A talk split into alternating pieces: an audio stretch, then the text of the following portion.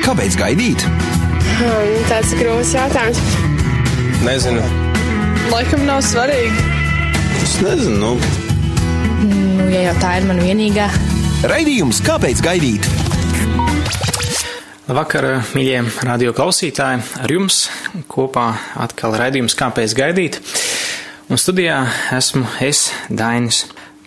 Šodien gribētu runāt par tēmu, kas ir tomēr ļoti svarīga, un, un tā ir par to, kas ir kārdinājums un kā to uzvarēt. Jo tas viss ir saistīts ar gan īstenībā gaida tēmu, gan arī mūsu ikdienas dzīvi, neatkarīgi cik esam veci vai jauni. Un līdz ar to šodien gribētu kopā pārdomāt, kā tad uzvarēt šajā kārdināšana laikmetā, kā uzvarēt tās lielās cīņas, kas mums katram ir. Tad kārdinājums, kārdinājums, kas tas ir? Nu, to varētu teikt kā tāda sajūta vai spēcīga vēlme, darot kaut ko nepareizu un grēcīgu, kaut ko pret uh, dieva likumiem, ko varētu nosaukt par, par, par grēku. Tad tāda spēcīga vēlme kaut ko darīt nepareizu.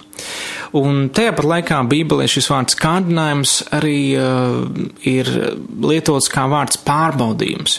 Tātad īpašs pārbaudījuma laiks, kurā es tieku pārbaudīts, kādu izvēles izdarīšu. Vai nu labo vai ļauno. Bībele saka, ka katrs mēs varam, esam tiekam kārdināti, arī pats Dievdāls Jēzus tika kārdināts, līdz ar to mēs visi ejam tam cauri.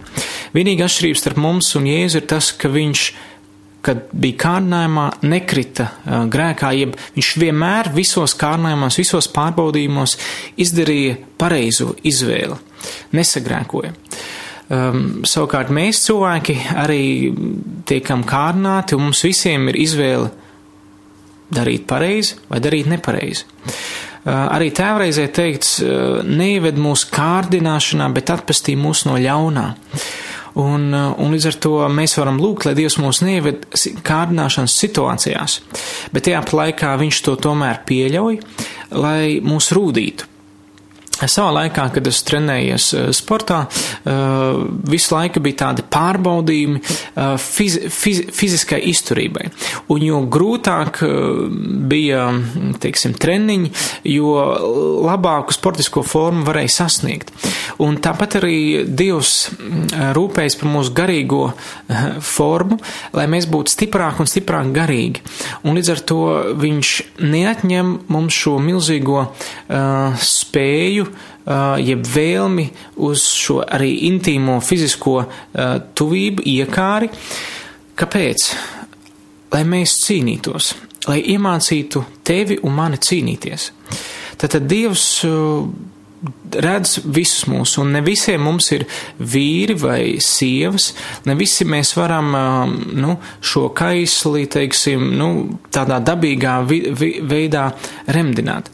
Un, un, bet es atceros, kad kāds indiešu mācītājs savā laikā teica, ka Viņš uzdevis Dievam, nu, Dievs, kāpēc tu nepaņem projām šiem jauniem puišiem, meitenēm, vīriem šo, šo vēlmi fizisko jo tu viņiem taču nedod dzīves draugu. Kāpēc tu viņus, varētu teikt, moci? Un, un viņš tā priekš sevis saprata tādu atbildi, un es varētu tam piekrist, kad uh, Dievs to ir atstājis, lai mācītos, mācītu mūs cīnīties. Tātad tas ir šis uh, instinkts, šis seksuālais instinkts, fiziskais instinkts uz pretējo dzimumu ir, ir mil, kā milzīgs, milzīgs pretinieks, kā tāds goliāns katram mums, ko mēs uh, tā nevaram tā tik viegli uh, bieži vien uzvarēt. Bet, ja mēs stājamies viņam pretī un cīnāmies, pat ja mēs uh, zaudējam un krītam, mēs esam cīnījušies. Un nākamā dienā mēs atkal ceļamies un atkal cīnāmies. Varbūt krītam, tad trešajā dienā cīnāmies, ceturtajā. Un katru dienu mēs cīnāmies, cīnāmies, cīnāmies. Un, un ja mēs gadiem būsim cīnījušies, tad mēs būsim daudz stiprāki nekā, ja mēs sākot no pirmās dienas pat necīnītos un ļautu tai kārībai, grēkam ienākt un vadīt mūsu dzīvi un, un sabojāt. Līdz ar to Dievs zina, kad, ka mums ir cīņas mūsos, un Viņš tās pieļauj, lai mēs kļūtu stiprāki. Un, uh, un, un, bet Dievs arī dod kādus apsolījumus, ka Viņš neļaus pārbaudīt pāri mūsu spējām, bet dos tādu galu, ka varam pastāvēt. Līdz ar to visi kārdinājumi, ko tu un es piedzīvoju, tie patiesībā Dievs pieļauj, uh, tāpēc, ka Viņš zina, ka tu un es mēs varam uzvarēt. Viņš mums neuzliek tādu kārnājumu, ko mēs nevarētu. Viņš nekad mūs uh, nepieļaus vēln, vēlnam kārdināt mūs tāpat, kā viņš kārdināja Jēzu. Ja, Jēzu bija īpaši augsta mēroga kārdinājums - valdīt pār visu pasauli. Ja, mums uh, bieži vien Dievs noliek priekšā mums, uh, nezinu, gaveņa laikā vai kādā laikā mums uh, kūciņu, un cīnīties pret kūciņu mums vajag. Tāds ir mūsu līmenis, kur nu vēl tur par piedāvājumiem valdīt pār pasauli. Līdz ar to katram ir sava līmeņa kārdinājuma, un tev ir sava līmeņa kārdinājuma. Dievs nekad nepieļaus lielākus kārdinājumus, jo kurš tad aizveda Jēzu tuksnesī kārdināt, vēl, lai viņš būtu vēlna kārdināts? Ne pats, ne, ne, ne lai viņš būtu Dieva kārdināts, bet vēlna kārdināts. To izdarīja Dievs svētais gars, ja pats Dievs aizveda Jēzu tūkstnesī, lai viņš taptu kārnāts.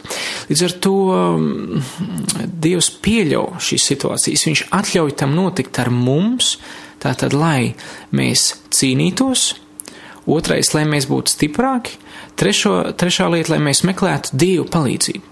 Lai mēs meklētu Dievu, jo tā kā mēs paši nevaram salūst mūsu lepnums, salūst mūsu iedomība, mums vajag pazemoties un saukt uz Dievu. Un, un, un, un Dievs zina, ka lepnums ir tas, tā, tā lielākā aiza starp mani un Dievu. Mans lepnums, man nevēlēšanās, un to vajag salauzt. Un tāpēc viņš pieļauj kārdināšanas, lai tas salūst, lai es meklētu viņa palīdzību. Kas tad mūs kārdina? Kas ir tas, kas spēj mūs kārdināt? Tātad, kā jau es minēju, pirmā lieta mūs kārdina uh, vēlns, jeb sātans, jeb, jeb kritušais eņģelis, kurš pats krita um, lepnumā un, un caur kārdināšanu viņš cenšas cilvēkus aizvilkt projām no Dieva. Tad, tad Bet kā vēlns var kārdināt tik tālu, cik Dievs viņam atļauj attiecībā uz kristiešiem, kur, jo kur ir, bet tajā laikā, kur kristietis uh, ir ielaidis grēku savā dzīvē, tur vēlnam ir vieta.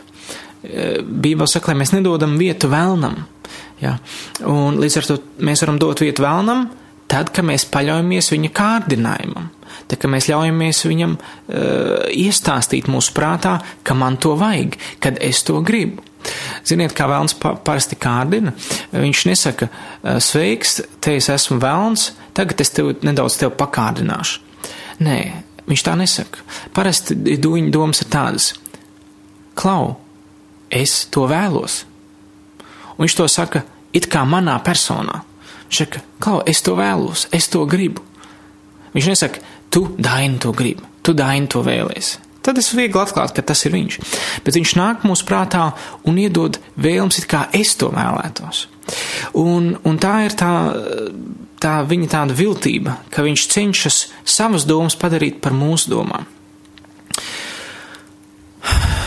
Otrā lieta, kas, eh, jeb otrā vieta, kur mēs tiekam kārdināti, kas ir tas otrais mūsu pretinieks, ir, ir šī pasaule. Eh, pirmā Jāņa vēstulē 2.16, 17 teikts, jo viss, kas ir pasaulē, ir miesas kārība, acu kārība un dzīves lepnība. Tas nav no tēva, bet ir no pasaules. Pasaule iznīkst un viņas kārība, bet kas dara dievprātu, paliek mūžīgi. Tātad, kas ir pasaule? Tātad pasaule nav uh, zemeslode, ko radīs Dievs, pasaule nav tā cilvēki un viņu pasaule. Pasaule ir uh, šīs šī sistēma, kas, ko vēlns ir uzbūvējis, lai mūs kārdinātu. Vēlnam tā ir viņa valstība, tas ir uh, viss, kurā parādās miesas kārība, acu kārība un dzīves lepnība. Tas var izpausties mēdījos, tas to var redzēt sabiedrībā. Tā ir tāda savā veidā uh, redzama, redzamie kārdinājumi, ko mēs sastopamies. Tātad viss, ko mūsu miesa grib, tas tiek piedāvāts. Tātad viss, kas piedāvā to, ko vajag mūsu miesai, tas nāk no pasaules. Visu, ko mūsu acis iekāro, un viss, kas piedāvā mums to, tā ir pasaule. Viss, kas mums aicina dzīvot lepni, uh, skaisti, brīnišķīgi, spoži, tas viss ir no šīs pasaules. Tātad caur mēdījiem, caur cilvēku sarunām, caur uh, dažādām lietām, ko mēs redzam, tāda varena sistēma uzbūvēta. Ikdienas mēs ejot pa pilsētas ielām, pa Rīgas ielām, jebkuras citas pilsētas vai lauku pilsētiņās, mēs sastopamies ar kārdinājumiem iegādāties lietas, nopirkt lietas, apēst lietas, iekārot lietas, dzīvot labāk, dzīvot skaistāk, dzīvot bagātāk, dzīvot drošāk. Tie visi ir vēlmeli neviena no šīm lietām uh, nav tāda, kas tavu dvēseli pabaros. Uh, tā ir viltība, kas pieviļ. Uh, tikai Dievā ir mūsu dzīves prieks, tikai attiecībās ar Dievu ir, ir mūsu acu prieks, un tikai attiecībās ar Dievu miesai neprasās vairāk kā vajag. Ja dvēseli ir izsalkusi, caur miesu to nevar pabarot. Tikai Dievs to var pamarot. Un līdz ar to, tikko mēs uzķeramies uz šī āķa, iekārot šīs pasaules lietas, tos veidus, kā veido attiecības, ārpus laulību, intīmas attiecības, naudas lietas, vara, tikko mēs sākam iekārot to, mēs sākam iznīkt mūsu attiecības Dievs sāk brukt. Un, un Bībele saka, kad pieķeroties, teiksim, mantai, kāds var aiziet prom no ticības. Līdz ar to Sātanam ir izdevies izveidot sistēmu, kā katru dienu mūs kārdināt, mani un tevi.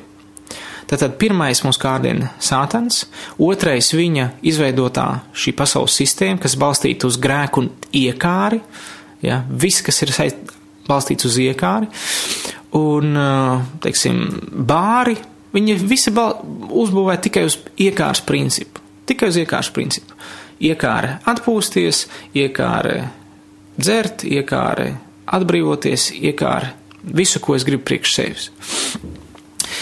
Un trešā lieta, kas mūs var, var kārdināt, ir mūsu pašu uh, grēcīgā uh, miesa, mūsu pašu grēcīgā daba, mūsu pašu egoisms. Uh, 1. pētera 2.11 teikts, mīļoties jūs pamāc kā piedzīvotājs un svešniekus atturēties no miesas kārībām, kas karo pret dvēseli. Tātad Pēters saka par to, ka mēs mūsos pašos iekšā ir kārība, mūsos pašos ir iekšā iekāra. Tātad parasti mēs kristieši sakam, mani vēlns kārdināja. Es parasti to izklau, um, ļoti apšaubāmi klausos uz to, jo pats Sātans, šis Lucifers, vai viņš nav visur esošs, viņš var būt uz šīs zemes tikai vienā vietā. Līdz ar to zināt, ka pats vēlns man kārdinā, kārdina, tas ir tāds jau īpašs gods, ka viņš atstāja visu un, un skrien te uz mazo Latviju kārdināt tieši precīzi tevi. Parasti tas nav pats vēlns kā personība. Parasti tā ir tava paša grēcīgā daba, tavs egoisms tev kārdina, tava dvēsele tev kārdina, tava, tava vecā, vecā, nu, kā saka, domāšana tev kārdina, tavu vecie ieradumi tev kārdina, vecie pieredumi, tavs lepnums tev kārdina.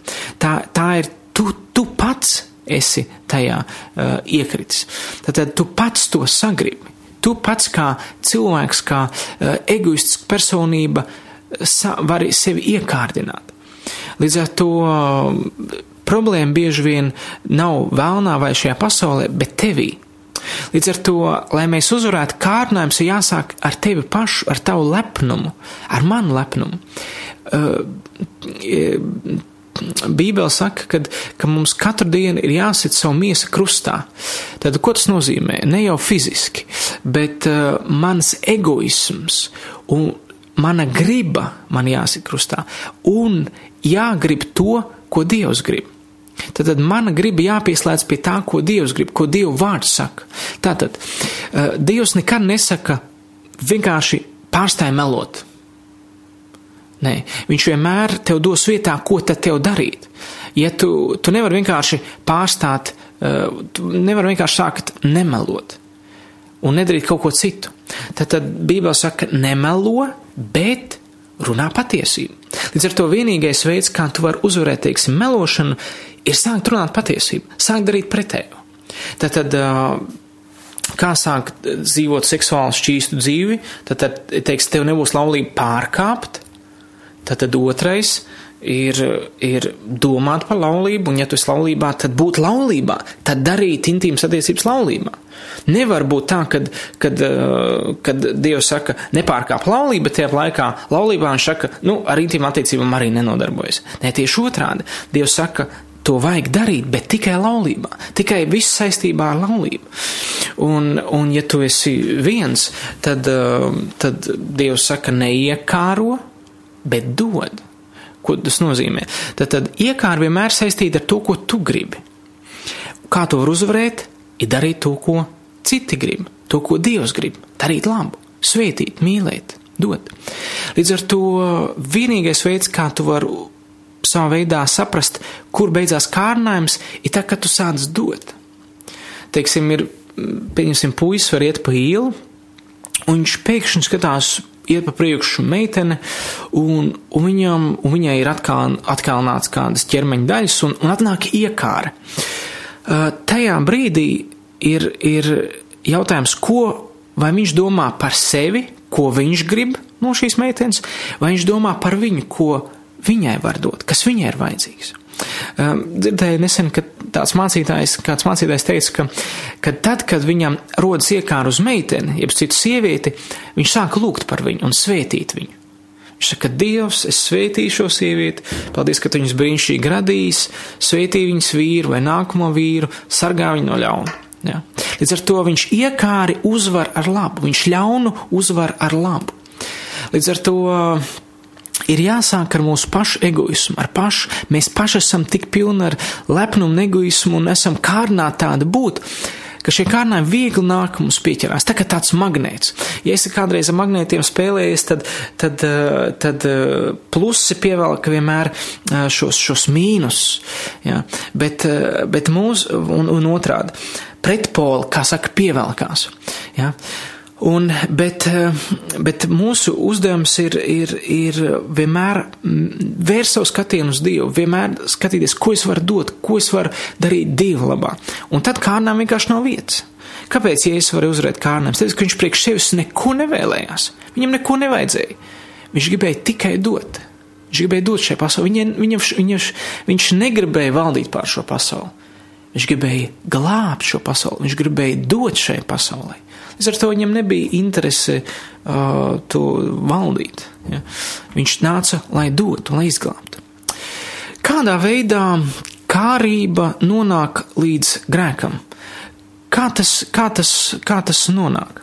Tad, tad Bībelē arī Jēka vēstulē ir, ir par to teiks, par, par kārību, par to procesu, kādā no kārības jānāk līdz grēkam.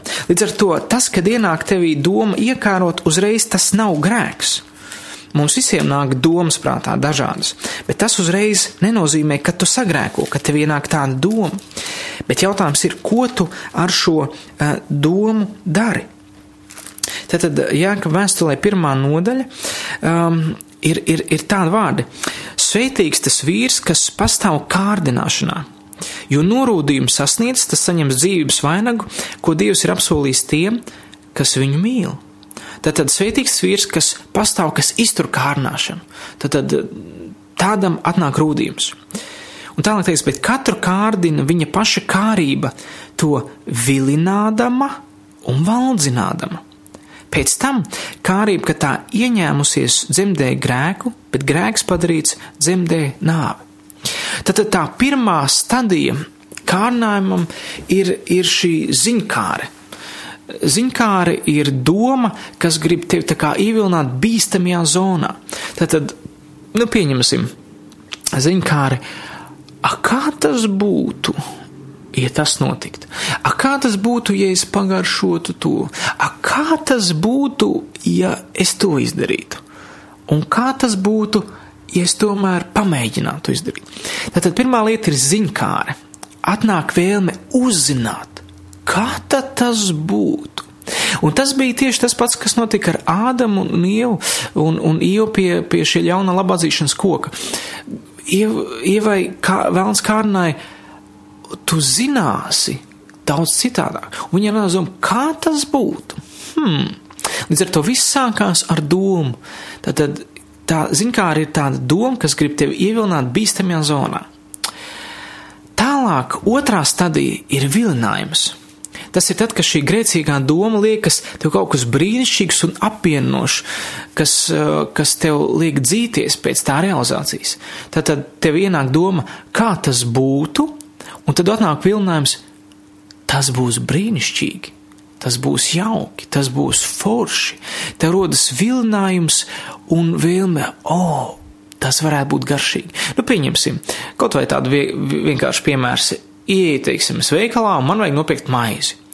Un tad ienāk prātā doma, ah, ja nu kādām šokolādēm ir akcija, un tad ienāk uh, vilinājums, jā, ja būtu akcija, tad es varētu dabūt lētāk to šokolādi un, un būtu ļoti garšīgi. Būtu atkal tā labā sajūta. Tad, tad atnāk vilinājums. Tad atnāk trešā stadija, ko sauc ieceri kad cilvēka vājā griba padodas iekārai un viņš sāk sekot tam. Un sāk šī ieceres stadija. Tātad es pieņemu tādu lēmumu, es iešu pie šokolādes plaukta un pastīšos. Tātad jau rodas iecerē, jeb vēlme. Tad vienkārši pirmā ir, es vienkārši gribu uzzināt, kāds ir. Otrais, man rodas vilinājums, jā, tas būs labi. Un trešais, es izdaru lēmumu, es, es mēģināšu es mēģināšu un sāku tiekties, lai to izdarītu. Tuvojos tam šokolādes plauktam. Un ceturtā stadija tiek, eh, ir, ir grēka dzimšana, kad es reāli paņemu šo šokolādi, aiznesu līdz kasei, samaksāju un sāku ēst. Tiek izdarīta šī iekārotā darbība, lieta, kas ir nepareizi Dieva acīs. Protams, tas nav runa par šokolādi, bet runa par grēku. Tad, ienāk kārdinājums puisim, kā tas būtu pastīties internetā to un to lietu. Un tad viņam atnāk vilinājums, jā, neviens to neredzēs, būs patīkams sajūtas. Tad trešā, jā, es, es iešu pie datora. Un ceturtais, viņš ieslēdz datoru un iet internetā, ne tajās mājaslapās, sāk skatīties un krīt grēkā. Tad līdz grēkam ir trīs stadijas, kuru laikā ir jāpaspēj uzvarēt, ir jāpaspēj pateikt nē. Un, ja, un, un principā šī stadija ir pati sākums. Pie pirmās stadijas, ja, ja tu ļauj šai domai iesakņoties, tad tu jau principā ir grūti, grūti samaldīties. Tad pie paša ziņkārs, kad ienāk doma, tajā brīdī jāpasaka, nē, to domu es neļaušu, es neļaušu par to sapņot, neļaušu tai ieņemties savā prātā. Kā cilvēks salīdzināja šo iekāras domas, kā, ka mūsu galva ir kā tāds koks, Un tur var lidot labas domas, kā tādi baltie putni, un, un tās iekāras ļaunās domas, kā tādi melnie putni. Un mēs nevaram šīm putniem traucēt, nu, tur lidināties apkārt. Un varbūt viņi arī kādreiz nostiež mūsu prātā ja mūsu koka, kokā, jeb zaros. Bet mēs varam aizliegt viņiem vīt vig ligzdas. Mēs varam aizdzīt viņus projām, kā tādas putnus šīs domas. Un līdz ar to, kad tev atnāk šī doma, tev ir jādzer prom tā kā tāds putnus. Ej projām šī doma, es domāšu kaut ko citu. Un tad tev ir jāpārslēdz domāšana uz tiem pozitīviem domām, uz pozitīviem putniem, ja varētu teikt, un ļaut viņiem. Jo tā, kad pozitīva doma ienāk, nu, teiksim, izdarīt kaut ko labu, paklausīt Dievam, ļaut svētam garam vadīt tevi, tajā brīdī tu sāc piepildīts arī ar to labo, to garīgo, tīro. Bet arī, kad pirmo reizi sagrēkots, turpinās vēl divas stadijas.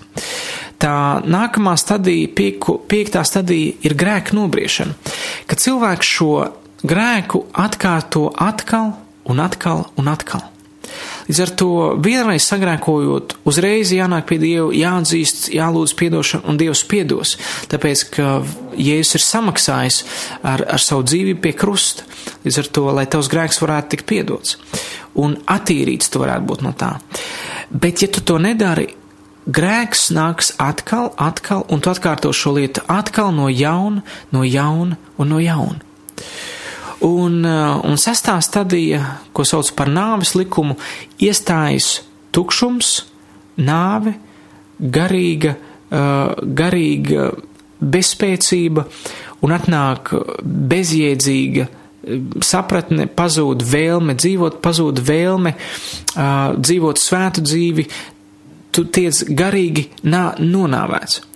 Un līdz ar to tas ir tas, ko vēlns grib panākt, jo, ja es teicu, ka vēlns grib, uh, ka viņš ir slepkava, viņš nācis nokaut un nomaitāt.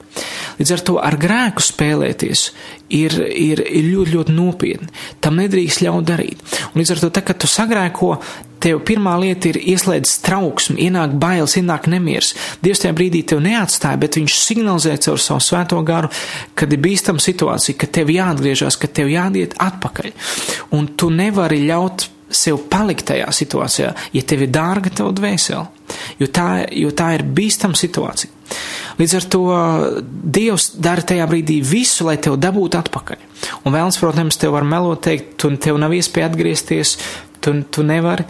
Un pat ja tu esi iegājis grēkā tik tālu, ka tu vairs nevari atgriezties, ka tev pat negribās, arī ta, tas tā nav problēma. Priekš Jēzus. Jēzus var augšām celt, Jēzus var atbrīvot, Jēzus nekad nepamet tev. Kamēr tu esi dzīvs, tev vēl ir iespēja atgriezties, kamēr tev ir vēl griba tavējā, tu vari gribēt atgriezties. Un, un bieži vien ir jāpavada ilgs laiks lūkšanā, lai tev sirds atkal atmaiks, lai svētais gars izdara visu, lai tu vari atgriezties. Un līdz ar to Jēzus var par tevi iežēloties, viņš zina, kāds ir būt kārnēmā, bet viņš zina, kā uzvarēt, līdz ar to viņš var uzvarēt tavā vietā. Tātad, kā uzvarēt kārdināšanu? Kādas lietas jau esmu minējis, bet, bet pirms tam gribētu minēt, kas ir tās lietas, kas mūs padara kā, kristi, kā cilvēkus pieejams kārdinājumam. Tātad tādus, kurus mums ir grūti uzvarēt un pateikt nē. Tātad, principā, pirmkārt, nav iespējams kārdinājumu uzvarēt cilvēkam, kas nav piedzimis no augšienes, jebkura glāb, kurš nav pieņēmis Jēzus Kristus par savu glābēju un kungu. Tad tāds, kurā nemājo svētais gars. Tāds cilvēks, principā, nevar uzvarēt kārdinājumu. Viņam nav spēka. Viņam, lai uzvarētu kārdinājumu, grēcīgu kārdinājumu, ir vajadzīgs dieva spēks. Un līdz ar to cilvēkam pirmkārt jābūt piedzimušam no augšienes. Tas, ka cilvēks iet uz baznīcu, nav simtprocentīga garantija, ka viņš piedzims no augšienes. Jo daudzi var nu tikt kristīti, bet viņu, viņi netic nemaz Jēzum kā savam kungam glābējiem. Ja viņi netic, Tur nav nekādu runa par kārnēm uzvarēšanu. Viņiem ir vajadzīgs jēzus. Otrā lieta, kas padara cilvēku grūti uzvarēt kārnējumus, ja viņam ir tomēr veca un dziļa grēka pieredze. Ja viņš ir dziļi, dziļi kādos grēkos bijis, vēlnēm daudz vieglāk viņu kārnāt ar kādām lietām. Nu, pieņemsim, man būtu ļoti grūti kārnāt ar kaut kādu eh, šņabi, jo es nekad eh, viņu neesmu dzērs, man liekas, tas ir pilnīgi kaut kas pretdabisks, pilnīgi kaut kas pret manu dabu. Līdz ar to es varu staigāt par bāriem, un tas vispār neko neizsaka. Bet cilvēkam, kurš ir bijis dziļi, dziļi, dziļi alkoholā, viņu ir vieglāk vēl no kārnām. Līdz ar to grēka pieredze dara pieejamu cilvēku grēka kārdinājumiem. Līdz ar to, jo vairāk cilvēks grēkojas, jo vieglāk viņu ir kārnāt. Viņam vienkārši ir lielāka ienaidnieka pieejamība viņam. Ar vairāk lietām viņš var kārnāt. Tātad alkohols, cigaretes, narkotikas, vienalga, kā viņš gājas cauri mēli, nauda, viss, viss, viss buķeti. Ja cilvēks nav tajā visā bijis, Vēlnam ir daudz grūtāk viņam pieiet. Līdz ar to ir vērts bērnus un jauniešus sargāt no jebkādas grēka pieredzes. Mūsdienās ir tāda muļķīga lieta, kad vecāki saka, nu, lai jau iztrakojās, un pēc tam, lai dzīvo to svēto dzīvi. Tas ir tik muļķīgi. Tas ir dot vēlnam iespēju kārdināt viņu tajās sfērās, tajos grēkos, kuros viņš dzīvojas.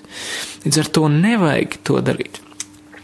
Trešā lieta, kāda kā cilvēki ir pieejami kārdinājumi, tiem, kuros, kuros ir lepnums, kur ir lepni cilvēki. Lepnums pasaka, es pats varu, es pats visu spēju. Tāds cilvēks uh, ir, ir tuvu krišanai grēkā. Tāpat arī kārdinājums ir grūti uzvarāms, ja cilvēks ir ļoti vienprātīgs un nenopietns. Nu, teiksim, ai, nu kas tad tur būs? Nu, bišķiņ paskatīšos, nu, bišķiņ pafil, paflirtēšu, bišķiņ paļaušos tai un tai domai, un tāds nenopietns. Un tā nenopietnība aizved viņu ļoti viegli līdz grēkam jo ar kā, lai cīnītos, jābūt nopietnam prātam, nopietnai attieksmei. Līdz ar to, ka ienāk vilprātīgi uh, attieksme, ļoti viegli atnāk kārdinājums un melns to izmanto. Tāpat arī um, stūrgalvība ir viena lietām, kas padara cilvēku atvērtu kārdinājumam. Tad stūrgalvīgs cilvēks, tas nav cilvēks, kuram ir uh, galva, galva stūraina galva fiziski, bet cilvēks, kurš negrib mācīties no savām kļūdām. Ir teikts, ka uh, gudrais mācās no citu kļūdām, muļķis no savām. Un cik daudz mēs esam bijuši muļķi. Ja. Um, Tātad stūrgalvīgs cilvēks ir tas, kas krīt grēkā, saprot, ka bija nepareizi, atgriežas un tik un tā tajā atgriežas. Un tad atkal atgriežas un atkal atgriežas. Un, un viņš saprot, un Dievs viņu māca un pārmāca, un, un viņš jau izcietis visas iespējamās sāpes, un tik un tā viņš atgriežas. Stūrgalvība ir, ir lieta, kas visu laiku at, aicina, ja pamudina atgriezties uh, uz kārnām un grēku. Vēl viena lieta, kas padara īpaši mūsdienās cilvēkus kārdinājumiem uz grēku, ir bezdarbība. Vienkārši nav ko darīt. Man patīk, kā viens cilvēks teica, ja es nedaru labus darbus, es daru blēņas.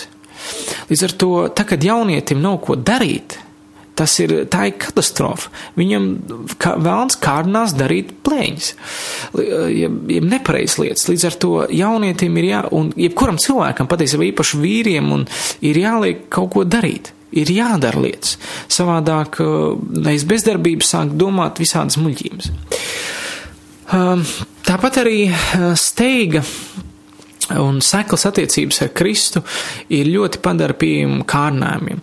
Tā, kad ir skriešana, tagad skrien, skrien, skrien savā dzīvē, viena lieta, otra lieta, trešā lieta, un nav laiks Dievam, nav laiks dziļākām attiecībām ar Dievu, tad, tad pazūd šis garīgais spēks, un ir ļoti viegli šajā steigā ātriem kādu kārnājumu, un cilvēks ātri uz to paraujās un, un, un, un, un uz, uzraujas.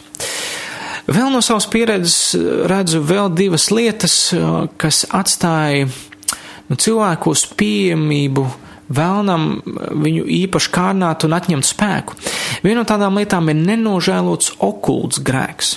Tātad grēks, kad iet pie zirniekiem, ekstrasensiem, jo tās ir tieši atvērts durvis uz sātanu valstīm, kur kāds ļauns gars vienkārši ir iepernājies un, un, un neļaušam cilvēkam pilnībā svētam garam pārņemt vadību pār šī cilvēka dzīvi. Un līdz ar to ir svarīgi nožēlot visus okultos grēkus. Tā ir man tāda personīgā pieredze. Un, un, un tre, un vēl kāda lieta arī uh, mēs esam sekas savu vecāku dzīvei. Ģenētiski un arī garīgi. Un līdz ar to es redzēju, ka uh, ejot cauri cilvēku, nu, vienkārši runājot par viņu grēkiem, uh, pa, papētot, kādi grēki ir bijuši viņu paudzēs, interesanti, ka viņi ir tikuši kārdināti tieši tajās pašās lietās, kuros, uh, tajos grēkos, ko krituši ir viņu vecāki, vecvecāki un vecvecāki. Un līdz ar to mēs jau varam runāt, ka mēs esam jauns radījums Kristū, bet tas nenozīmē, ka vēls nenāks kārdināt tajos pašos, jo mūsu ģenētikā šī pieredze iekšā jau ir. Un viņam ir viegli uzplaiksnīt, ļaut šīm, šīm, šīm domām uzpeldēt ārā. Jo mēs esam pieejamāki tam, mūsu, mūsu ģenētikā ir jau pieredze, kas nāk no uh, senčiem. Līdz ar to mēs esam kā sekas savu vecāku, vecvecāku un vecvecāku un joprojām citu radinieku dzīvē. Bet eh, kāds ir uzvaras plāns pret kārdinājumu? Tātad pirmkārt vajag atpazīt, ka kārdinājums ir atnācis. Tātad, tā, kad tu esi situācijā un tu, tu nu, tev ir jāsaprot, tev ir jāieraug, tu ieraug, tev ir jā, jāatpazīst, ka tagad šajā brīdī tu esi kārdināts. Ja tu neatpazīsti, kas ir kārdinājums, un saka, ai, nu tas ir tikai mēs te padraudzējam, mēs tikai te vientuļi uz dīvānu, vai es te tā vienkārši internetā šo to paskatīšos. Principā kristietim kārdinājums ir jāsajūt, jāsaprot, jo svētais gars viņam palīdz saprast, ka un, un, un, un atnāk tāds nemieris, atnāk tāda, tāda, tāda savādas domas uz nepareizām lietām. Tad tev vajag atpazīt kārdinājumus. Otrā lieta, ko ir svarīgi tajā brīdī saprast, ka tagad tu savā spēkā nevar uzvarēt. Tev vajag, tev vajag tagad saprast, ka tagad šajā brīdī tev vajag meklēt Dievu, tev vajag Kristus saviem ceļiem, tev vajag saukt uz Dievu, tev vajag teikt, Dievs mani man nāk virsū kārdinājums, es meklēju tevi, es pārslēdzos no šīs negatīvās domas uz tevi, es, es sāku domāt par tevi, es sāku tev pielūgt. Un ir svarīgi, ka tu savā prātā šo mm, kārdinājumu domu izmet un iemet domu par Dievu, par debesīm. Jo vairāk tu domās par debesīm, jo vairāk debesis nonāks tavā sirdī. Ja to, ko mēs gremojam, tas mūsos ienāk. Līdz ar to tavs prāts ir kā gremošanas eh, vieta, kur tu gremo un domā. Trešā lieta, kad sastopies šo kārnojumu situāciju, un tu redzi, ka tas ir pa smagu, vienkārši bēdz. Vienkārši skrien projām. Vienalga, vai tā ir meitene, vai puisis, vai tā ir kāda kompānija, vai tas ir dators, vienkārši bēdz un skrien. Vienkārši laidies projām. Cits izvēles nav. Ja tu redz, ka tas ir pār teviem spēkiem, vienkārši bēdz no tās iekārs. Un, un, un tu vari aizbēgt no situācijas apstākļiem, kur āršķirīgi tu tiec kārdināts. Ceturtā, ceturtā lieta. Tev jāapzinās, ka tavi brāļi māsas var uzvarēt šos kār, palīdzēt tev uzvarēt šos kārnājumus. Tev, ja tev, ja tev šis kārnājums ir iegājis tevi dziļi, dziļi, tu atkārto šo grēku, ej kādam brālim māsim izstāst, izsūdi savu grēku, lai tu varētu tapt dziedināts, lai tu varētu tapt atbrīvots. Ir svarīgi šo, jo publiskāk šo grēku tu uh, paziņo, jo lielāka brīvība tevī ienāk. Un, un, un, un tāpēc ir labi šīs grēksūdas, un tas nav tikai pie mācītāja, tu vari nākt pie jebkura brāļa mās un teikt, es atzīstos sev grēkā, esmu kritis, aizlūdz par mani, palīdz man. Un, un svarīga piektā lieta ir um, būt vienmēr lūkšanās ar Dievu, lasīt Dievu vārdu, būt jēstūmā, meklēt vienmēr Dievu tūmu, staigāt garā, tad tu mieskārību savaldīs, Bībelē saka. Vienmēr palikt ikdienas lasīšanā. Un, un ir labi, ka tu sāc savu rītu ar dievvvārdu un lūkšanu un nobeidz savu dienu ar uh, lūkšanu un dievvvārdu. Tā, tā ir laba lieta. Un palikt šajā ikdienas sarunā ar Dievu katru brīdi. Un tas ir tev dos spēku uzvarēt. Un, un lai Dievs svētī, ka šajā vasarā, ka šajā laikā, kad tik daudz kārnājumu, tu palīdz saprast, uh, ka tu pats nevari uzvarēt, bet Jēzus tev var palīdzēt uzvarēt. Un lai Dievs svētī tevi un lai pasargā no visļaunā, un, un, un Dievs tev palīdzēs, un Jēzus tev palīdzēs. Tikai saki, lūdz viņam un, un vaicā, un viņš tev dos spēku, kas tev nepieciešams, un izēj no jebkura kārdinājuma. Tāds Dieva apsolījums. Ar labvakar! Šis bija raidījums Kāpēc gaidīt? Klausies to katru otrdienu, pulksten 18,5 minūtēs Latvijas kristīgā radio ēterā vai arī jebkurā tevērtā laikā internetā www. īsta mīlestība gaida LV.